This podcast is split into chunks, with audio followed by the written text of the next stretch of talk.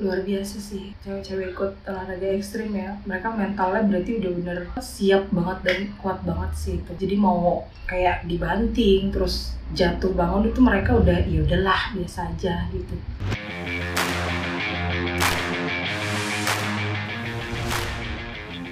Kalian lagi dengerin podcast Saya Sporte. Kupas tuntas, mental, olahraga.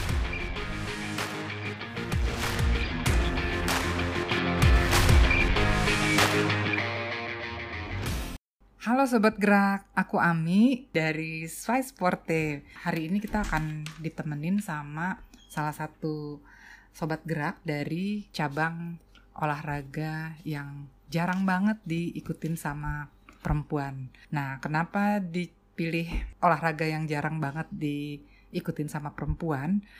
Kemarin tuh sebenarnya Swai Sporte mau ngadain bikin episode terkait sama Hari Kartini. Cuman skip ya karena satu dan lain hal. Nah makanya uh, kali ini kami tetap panggil uh, sobat gerak dari salah satu cabang yang jarang diikutin sama perempuan.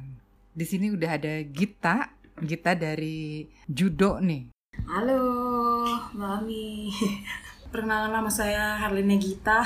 Nama panjang lebih banyak lagi sih, Herlina Gita Ningsih. Tapi uh, banyak yang manggilnya Gita. Hai Gita, Gita nih nggak main-main. Dia nih atlet dari kontingen Jawa Barat untuk PON di Papua yang 2000. Ya, PON Papua 2021. Walaupun belum pasti diselenggarain, masih kontroversi, tapi tetap aja latihan ya Git ya. Ya, persiapan masih tetap dijalanin. Uh, sementara ini pas kemarin puasa off latihan, jadi uh, enggak disentralisasi, jadi latihannya di rumah masing-masing aja setelah lebaran ini nanti kita baru disentralisasi lagi. Iya, itulah ya. Selama pandemi ini atlet-atlet jadi harus latihan sendiri dan memotivasi diri sendiri karena nggak bisa latihan bareng. Ah, mudah-mudahan semua pada sehat deh. Gimana Git, sehat? Alhamdulillah sehat. Sekarang kegiatannya apa aja nih Git selain tadi ya latihan di rumah itu untuk mempersiapkan PON? Uh, selain latihan, uh, saya juga ada ngajar online uh, di Evo Fit Plus. Uh, saya di sana ngajar untuk komunitas lari. Saya ngajar di hari Kamis, Kamis sore, kalau nggak Kamis pagi gitu saya ngajar. Ngajar strength conditioning aja sih, terus kegiatan lainnya paling kuliah. Itu berarti offline ya?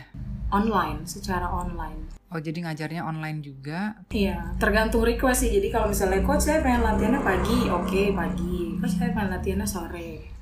Kalau kemarin di bulan puasa kita ada latihan pagi sore. Cuman kalau misalnya setelah uh, Lebaran ini kayaknya tergantung request membernya maunya kapan gitu ya. Wow. Dengar-dengar kuliah lagi juga nih, Get? Iya, saya kuliah lagi di LSPR, ngambil jurusan Public Relations. Sebenarnya nggak nyambung sih dari olahraga ke Public Relations ya. Padahal kita juga udah lulus S1-nya juga ya di ekonomi. Terus sekarang ngambil lagi kuliah, ya ampun. Iya, udah lulus ekonomi ya. Ambil lagi karena kebetulan ada beasiswa. Jadi ya sudahlah diambil saja. Iya, keren keren. Maksudnya membagi waktunya pasti ini banget apa harus tight banget tuh. Harus pinter-pinter. Iya benar. Dan untungnya kuliahnya online jadi uh, bisa menyesuaikan paling tugas aja yang banyak tapi it's okay nggak apa-apa Iya, tugas baca pasti ya dan bikin-bikin esai atau apa deh biasanya tuh. Iya, bener banget. Oke, gitu. Sobi-sobinya Sai Sporte nih, biasanya kami manggil uh, pendengarnya so Sai Sporte itu sobi-sobi. Nah, sobi-sobi Sai Sporte itu pengen tahu banget gimana sih awalnya kok kita bisa cinta sama olahraga judo nih? uh, ini dulu itu awalnya sebenarnya nggak sengaja sih pengen jadi atlet. Uh, karena dulu aku di sekolah pas masuk SMA ada ekskul wajib. Ekskulnya itu judo. Ekskul wajibnya itu. Jadi memang di sekolah aku itu di SMA itu uh, ada klubnya namanya BJC Bandung Judo Club dan sekarang udah berubah jadi namanya Nusantara Judo Club. Nah itu memang mewajibkan uh, siswa SMA di situ untuk mengikuti olahraga judo. Gitu. Oh tega banget ya gurunya ya? Dibantingin anak-anak. Enggak sih maksudnya mungkin uh, kalau lebih ya berprestasi sih mewakili dari si Bandung judo club itu ya dari Nusantara judo club itu. Dia sekalian seeding ya kayaknya ya, mencari bibit baru. ya nggak sengaja karena ikutan ekskul itu eh, jadi mau nggak mau kan terus latihan. Awalnya males-malesan sih latihan aduh ngapain sih ikutan kayak gitu katanya. Apa eh, kan ngeliat banting-bantingan gitu serem apa gimana gitu pasti sakit badan kan. Cuman karena ada temen disamper mulu aku ke rumah ayo kita latihan katanya. Oh ya udahlah ayo latihan. Eh, setelah latihan tiga bulan waktu itu eh, ikut pertandingan antar pelajar sejauh barat. Oh, ini tingkat SMA ya berarti ya? Iya. Eh, ternyata juara satu dari situ. Kaget dong. Ih baru pertama ikut. Wow, itu kelas berapa tuh Git? itu kelas 1 SMA baru tiga bulan latihan. Aku kaget ih bisa juara satu. Jadi oh ya udah nih kayaknya enak juga nih kalau misalnya diterusin gitu. Jadi ya udah keterusan sampai sekarang gitu. Pas sekarang awalnya aduh kenapa sih dulu ikut judo? Padahal judo kan capek gitu. Cuman karena sekarang udah nanggung ya jadi ya udahlah gitu Dan jadi penasaran aja tuh Git kan itu wajib ya. Berarti semua anak perempuan juga harus ikutan dong. Iya, anak perempuan eh, pada ikut semua. Cuman eh, biasalah kalau misalnya ekskul itu awal-awal kan pasti banyak tuh yang ikut karena semuanya. Terus lama-lama makin sedikit, makin sedikit, makin sedikit. Yang kesisa ya cuman aku. Oh, jadi cuma satu, itu kesisa cuman tinggal satu itu, itu di kelas berapa tuh Git? Yang kesisa cuman satu orang itu Oh. Waktu kelas 3 SMA. Kan tadi kita cerita tuh dari sekian banyak temen yang ikutan judo, terus udah gitu tersisa akhirnya cuma tinggal satu aja ya. Nah itu mereka tuh kebanyakan mundur itu karena apa ya? Pas kelas 3 itu mungkin mereka mikirnya karena mau lulus dan mungkin mereka lebih milih ya udahlah mendingan kuliah atau mungkin ada kerjaan yang lain. Terus eh, karena sakit badan. sakit badan asli. Cuman karena dari dulu udah tomboy kali ya. Jadi ya udah sih terus banyak laki gitu ya. Aku emang mainnya dari dulu sama laki. Jadi ya udah kenapa enggak gitu ya jadi ya lanjut aja Eh, selain orang tua ngedukung juga kan jadi ya udah sih tetap di judo aja gitu Heeh, heeh. Sobi-sobi mungkin nggak akan percaya nih kalau misalnya Gita bilang dia tomboy karena uh, looknya Gita itu cantik banget. dia meng- mencat rambutnya dengan warna apa tuh Git? putih atau perak ya?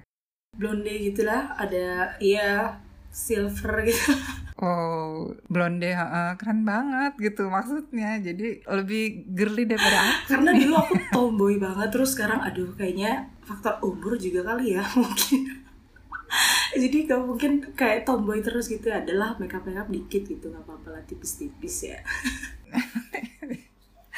Nah, bicara tomboy nih, Git kan memang kebanyakan ya perempuan-perempuan yang ber- serius bergiat di olahraga itu uh, sering kali dapet Iya. stereotype Mm-mm. uh, gender gitu, maksudnya kayak kelaki-lakian, terus nggak feminim, Iya.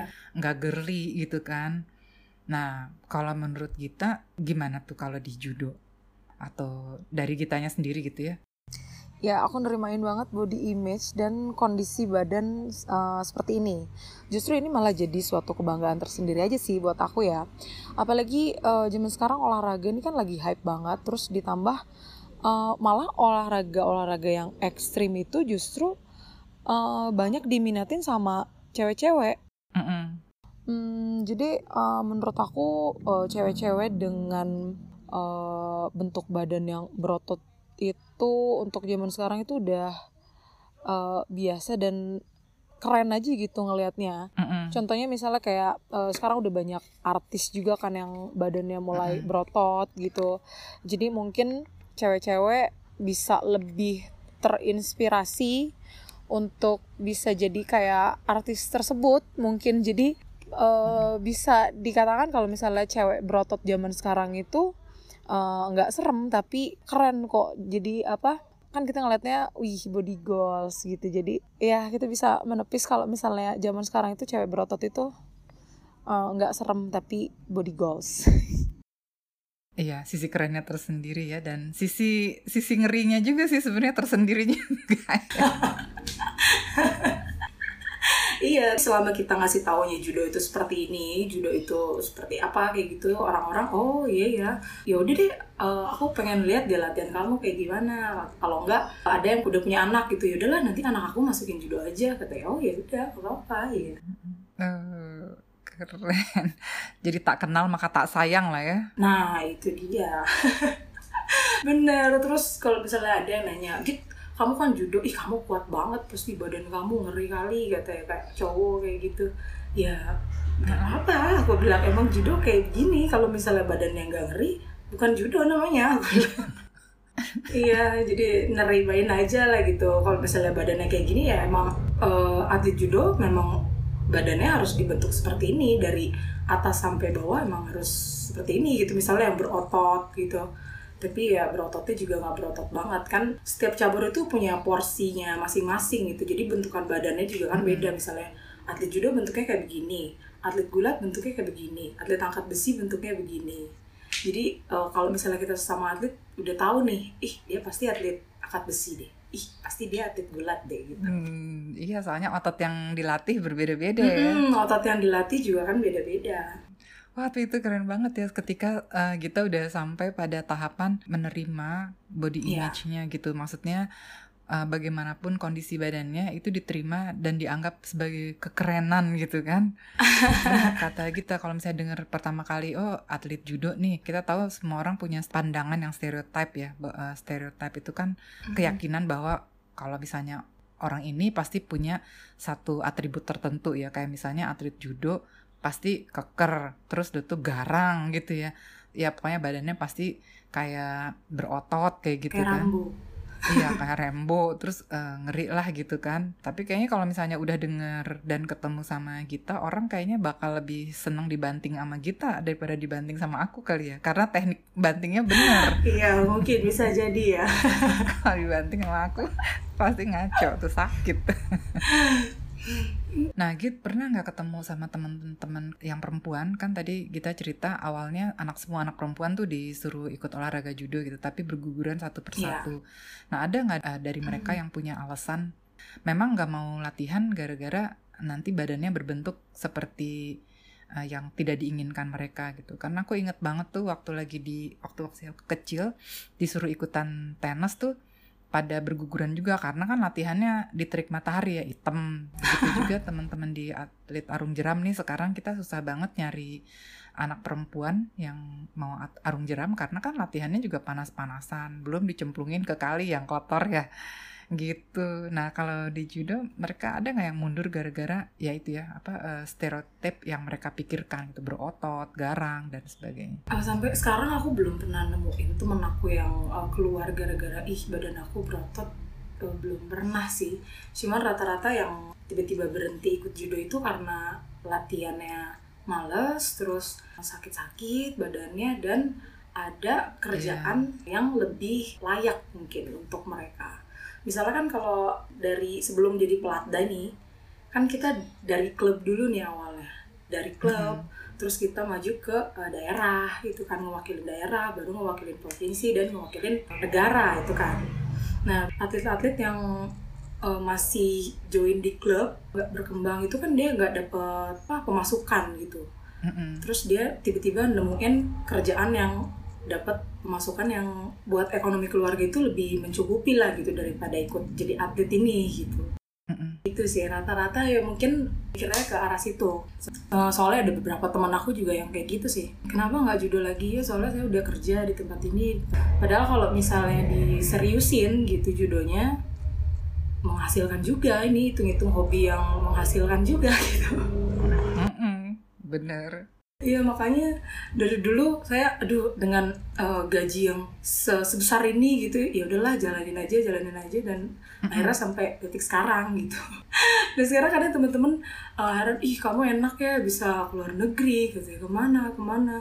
Kamu apa bayar sendiri? Enggak aku dibayarin aku tuh kan enak jadi atlet aku bilang. Iya ya katanya. Kenapa dulu aku gak diterusin? Paling suka curhat gitu sih teman-teman cat rambut dibayarin nggak cat rambutnya gitu nggak endorsean gitu jadi pengen tahu deh eh, ketika mulai menekuni ya eh, jadi atlet judo ini apa yang nggak bisa dilakukan oleh kita seperti yang biasanya dilakukan oleh perempuan lain gitu. Misalnya mungkin ya manjangin kuku gitu kan. hal yang nggak bisa dilakuin sama cewek-cewek judo. Em, contohnya mungkin kayak ya kuku panjang, terus eyelash extension. Kalau misalnya kuku panjang kan full body contact olahraganya, jadi otomatis bakalan patah gitu. Terus kalau perawatan kuku juga rasanya percuma aja sih gitu. Jadi buang-buang duit aja gitu. Udah pengen cantik-cantikin kuku gitu dan ternyata hasilnya tetap rusak gitu. Terus kalau misalnya eyelash extension karena ada juga ada main di bawah. Jadi kalau misalnya resikonya takutnya eyelashnya dia nusuk ke mata terus rontok ya masuk-masuk ke mata gitu kan itu membahayakan juga. Jadi mendingan nggak usah kayak gitu. sempat sih sempat uh, pernah eyelash extension tapi pas lagi libur latihan pas sudah mulai latihan di copot-copotin sendiri. Karena meskipun olahraganya garang dan kelihatan maco banget gitu ya tapi sisi ceweknya juga punya gitu. Jadi juga kadang butuh untuk pergi ke salon untuk kerimbat atau ya manicure pedicure kayak gitu-gitu kadang juga ngelakuin ya itu pinter-pinter ya kita cari waktu aja yang pas di saat libur latihan. Kalau stigma, stigma kan kadang-kadang pandangannya negatif ya. Eh, stigma negatif apa yang yang pernah kita terima seperti apa gitu terhadap atlet perempuan di cabang olahraga yang keras pula gitu ya, judo ini. Stigma negatif yang pernah aku alamin, aku pernah dikatain gak normal dong. aku pernah dikatain gak normal karena eh, dulu itu rambut aku eh, bener-bener pendek, cepak banget kayak eh, tentara lagi pendidikan. ya, itu terus eh, ditambah badan aku yang berotot gitu, jadi orang-orang kilas lewat itu pasti nyangkanya kayak gak normal aja gitu. Terus Em, oh ya pernah. Ini cerita sedikit. Eh, dulu aku pernah ke Jakarta. Pas aku dulu masih pelatnas tahun 2010-an, 2010-2011. Aku jalan sama teman-teman cewek yang lain satu pelatnas gitu. Terus eh, ke Jakarta, kit- eh, berhenti di Kampung Rambutan. Kebetulan aku jalan paling depan sambil makan. Teman-teman aku di belakang ngikutin. Terus ada eh, supir bis yang tiba-tiba bilang, wah ini kayaknya ketua gengnya nih katanya. Ngelihat Baru dilihat aku, aja ya ya. pokoknya kayak gak normal. Terus aku ketua gengnya, terus aku bawa anak buah gitu di belakangnya. Nah itu sih eh, stigma negatifnya yang pernah aku alamin. Eh, tapi aku nanggepinnya cuman ya udahlah ketawa aja. Terus eh, pernah juga dimarahin ibu-ibu di toilet karena sangkanya aku salah masuk toilet. aku disangkain laki padahal aku cewek gitu. Dari situ aku sedikit kapok. Eh, Mhm. nggak nggak kapok sih. Jadi dari situ aku mulai aduh kayaknya rambut aku kependekan nih gitu. Terus ditambah badan aku eh, berotot banget. Dari situ aku mulai eh, panjangin rambut sedikit-sedikit. Terus dari situ aku mulai eh, lumayan agak lebih ke cewek-cewekan lah gitu biar nggak biar nggak dianggap kayak laki terus gitu meskipun eh, olahraga aku ekstrim gitu. Dari situ ya mulailah agak lebih feminim dikit gitu dengan make up tipis-tipis kalau nggak cat rambut gitu. Tapi tetap be yourself nggak ngilangin sisi tomboy aku. Jadi aku eh, lebih nge-mix and match. Jadi kalau dari soal pakaian juga kadang pakaiannya cewek tapi sepatunya sneakers. Kalau enggak ya pokoknya tetap tidak menghilangkan sisi tomboy tapi ingin terlihat wanita tapi berotot tapi keren gitu. Gimana ya jadinya. Nah, di antara sesama atlet judo nih, ketika eh, kita mau serius di bidang keatletan gitu, gimana sih penerimaan mereka gitu ya terhadap atlet judo yang perempuan gitu. Kebetulan aku dari Arung Jeram gitu, anak atlet-atlet perempuannya tuh disayang gitu. Jadi kan maksudnya memang kami harus latihan dan melakukan kegiatan sama seperti mereka gitu ya kan mendayung gitu. Nah tapi misalnya kayak bangsanya angkat-angkat perahu gitu. Selama kalau ada cowok-cowok di situ mereka pasti bantuin gitu. Tapi kalau di judo kan yang atlet perempuan atau laki-laki ya sama aja ya dibanting-banting juga gitu. nggak bisa nolak gitu. Iya sama aja dibanting cuman uh, kalau bedanya mungkin kita ngadepin lawan yang cowok misalnya kalau misalnya di latihan kita pasti nyatunya sama cowok dong gak mungkin cewek terus kita pasti sparringnya ada sama cowok gitu. Cuman uh, kalau cowok ini biasanya eh, nggak uh, ngasih tenaga yang full kalau misalnya sparring sama cewek gitu. Kecuali kalau misalnya si ceweknya kuat banget nih. Jadi si cowoknya juga ya udah mereka full power aja gitu.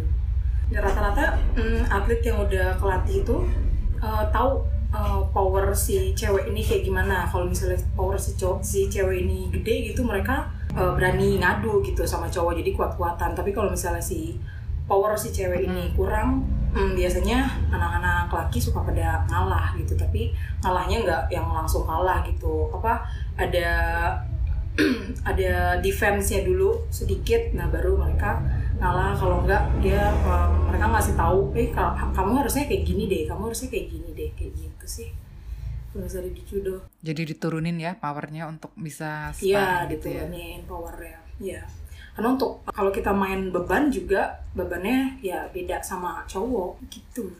Nah kalau di Indonesia sendiri uh, ini belum ke dunia ya kalau di Indonesia sendiri pejudo perempuan itu mendapat penerimaan yang baik nggak dari misalnya masyarakat atau pengurus gitu ya? Hmm, karena di, kalau di Arung Jeram itu beberapa tahun yang lalu atlet perempuan itu nggak dilirik jadi ketika ada pembinaan mereka lebih baik membina atlet-atlet putra gitu ya karena dianggap kan lebih apa istilahnya menjanjikan gitu. Tapi setelah ke sini ke sini ternyata penggiat outdoor itu kan makin meningkat yang perempuan gitu dan pembawa medali emas di level dunia juga ternyata perempuan barulah yang atlet perempuan tuh dilirik. Nah kalau di bidang judo gimana? Uh, kalau di bidang judo cewek ini termasuk bisa dibilang prioritas ya khususnya di kontingen Jawa Barat eh, prioritas sekali karena rata-rata yang menghasilkan medali emas itu di wanita oh, cewek iya keren banget ya ya uh, kalau misalnya pertandingan sea games juga cewek uh, lumayan mendominasi ya. Hmm. kayaknya semakin sini semakin uh, banyak juga sih yang cewek mulai um, apa maju banget gitu di olahraga olahraga keras gitu. Panjat tebing juga kan perempuan tuh kan? Iya makin banyak makin sini. Orang apa olahraga, olahraga yang ekstrim banyak diikutinnya sama cewek-cewek. Termasuk aku yang sangat tertantang sekali sama olahraga olahraga ekstrim ya. Betul betul. Proud to be woman ya kita. Iya benar banget. Benar banget. Selain judo emang olahraga ekstrim apa lagi nih gitu yang diikutin deg-degan aku dengernya nih kayaknya uh, saat ini aku tertarik sama crossfit. Oh iya iya. Ya terus aku juga lari yang lintang kayak gitu.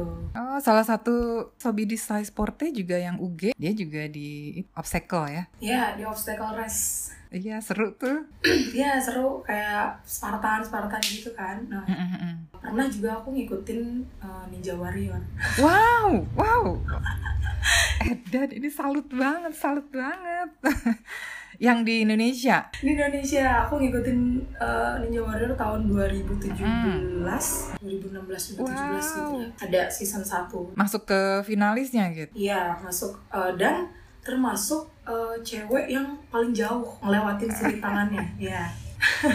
keren, keren. Udah iseng-iseng doang. Jadi waktu itu ada informasi share di grup gitu. Dicari ninja Indonesia katanya udah aku coba daftar dan ternyata di season 1 itu aku lolos sampai stake 1 terus stake satunya lolos stake keduanya baru nyebur hmm. nyebur oh. eh berapa orang sih pesertanya waktu itu? Itu kayaknya baru-baru juga ya diadain ya? Ya pesertanya waktu itu banyak banget. Uh, cuman yang cewek masuk ke apa stake yang paling jauh gitu ya. Jauh itu cuma ada dua orang kalau nggak salah. Aku dan atlet panjat tebing. Dia juga atlet ini atlet nasional gitu maksudnya yang ya atlet nasional.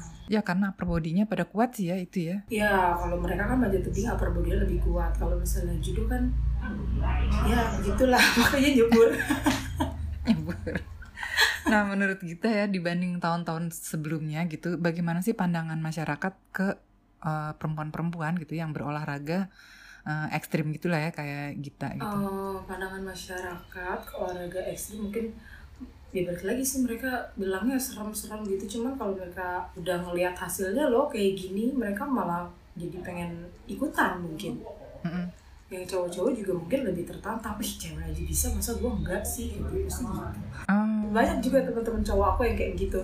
Ih katanya kamu keren banget coba dong aku katanya. Ya udah ayo Allah sering aku ajakin latihan yuk latihan di sini latihan di sini. Gitu. nggak mau Kayak kalah gitu ya? Jadi mereka nggak mau kalah gitu Iya, kalau kita sendiri pandangannya terhadap perempuan-perempuan yang berolahraga ekstrim itu seperti apa tuh? Kit? luar biasa sih cewek-cewek ikut olahraga ekstrim ya mereka mentalnya berarti udah bener siap banget dan kuat banget sih itu jadi Hmm. mau kayak dibanting terus jatuh bangun itu mereka udah ya udahlah biasa aja gitu Waduh.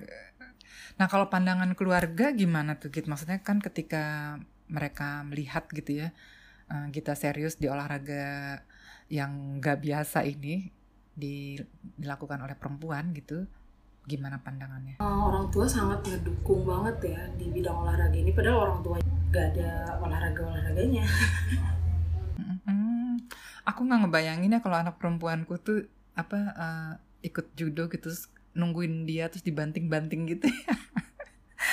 Harus persiapan mental dulu nih kayaknya. Iya, mama kadang eh, eh, apa mama kan mendukung banget aku ikut olahraga judo. mama sih nggak apa-apa ngeliat aku dibanting sana sini nggak apa-apa aku waktu itu cuman pas balik ke rumah jadinya mama kasihan ke kasihan ke aku karena aduh kan aku dipanggil di rumah teteh ya. Aduh teteh udah capek latihan gitu di rumah ya udah nggak usah ngapa-ngapain tidur aja Teh, jadi bener-bener aku yang pulang ke rumah tuh bener-bener cuman makan dan tidur nggak pernah ngelakuin apa-apa. Karena saking sayangnya mama aduh kasihan kamu udah capek dibanting gitu udah capek lari cepat gitu kayak gimana. Jadi balik ke rumah bener-bener kayak sultan jadi pengertian banget ya. Kayaknya kalau bisa disuruh tidur di kayak tempat tidur yang empuk banget gitu, mungkin mama bakal ngasih tempat tidur yang empuk itu ya.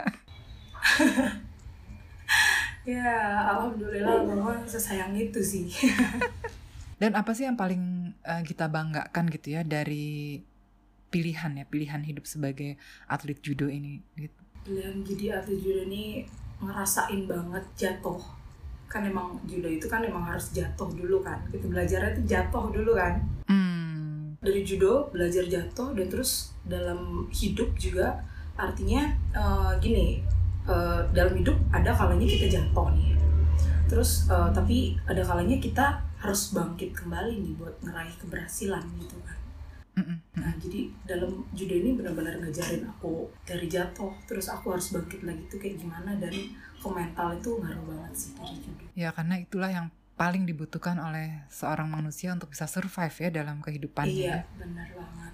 Ya, makanya itu sih filosofi aku pegang banget. Harus ngerasain dulu jatuhnya kayak gimana dan harus bisa bangkit kembali biar Mm-mm. merasakan hasil yang Mm-mm. kita udah perjuangin. Iyalah ya, eh, sobi-sobi namanya dibanting entah berapa ratus ribu kali kita nih kan dalam latihannya. Bener, Iya, benar. masa nggak masa nggak belajar sesuatu ya? Dari 2006 coba bayangkan sobi-sobi. Nah gitu, ada nggak pesan atau apa ya, saran ke, ke sobi-sobi yang masih belum nyaman sama olahraga pilihannya nih? Mungkin untuk yang perempuan-perempuan gitu ya, atau bahkan yang laki-laki juga sebaliknya kan kadang-kadang ada juga eh, laki-laki yang memilih olahraga misalnya kayak balet gitu atau dancing gitu kan. Nah apa nih pesan kita untuk sobi-sobi kita nih? Mungkin eh, ini aja sih apa kalau misalnya belum nyaman sama olahraga yang dipilih, eh, cari dulu temen di olahraga itu. Jadi kalau misalnya udah ada temen nih, kita pasti semangat nih buat latihan gitu kan. Soalnya pengalaman pribadi aku nih, eh, aku aktif juga di komunitas lari kan, di fake runner dan evo runner. Dulu aku benci banget sama lari pokoknya karena capek gitu ya. Terus aku tentuin goals aku dulu, Eh, karena gini, dulu aku itu main kelas 52 itu kerjaan aku tuh overweight terus. Ya, overweight terus berat badan aku pasti eh, 57, 56 gitu. Otomatis dia bahkan sempat sampai 62. Hmm, Aku pulang dari Korea berat badan aku tuh 62. Terus pertandingan ke Pon Riau itu tinggal dua minggu lagi. Mau gak mau aku harus bener-bener ekstrim nurunin banget nih ya. Terus aku dari situ nurunin banget, dari situ aku kapok, nggak mau aku nurunin banyak-banyak. Nah, aku tentuin goal aku pas ada komunitas lari ini ya udah aku ikut komunitas lari ini aku pengen rajin lari biar aku nggak uh, overnya banyak.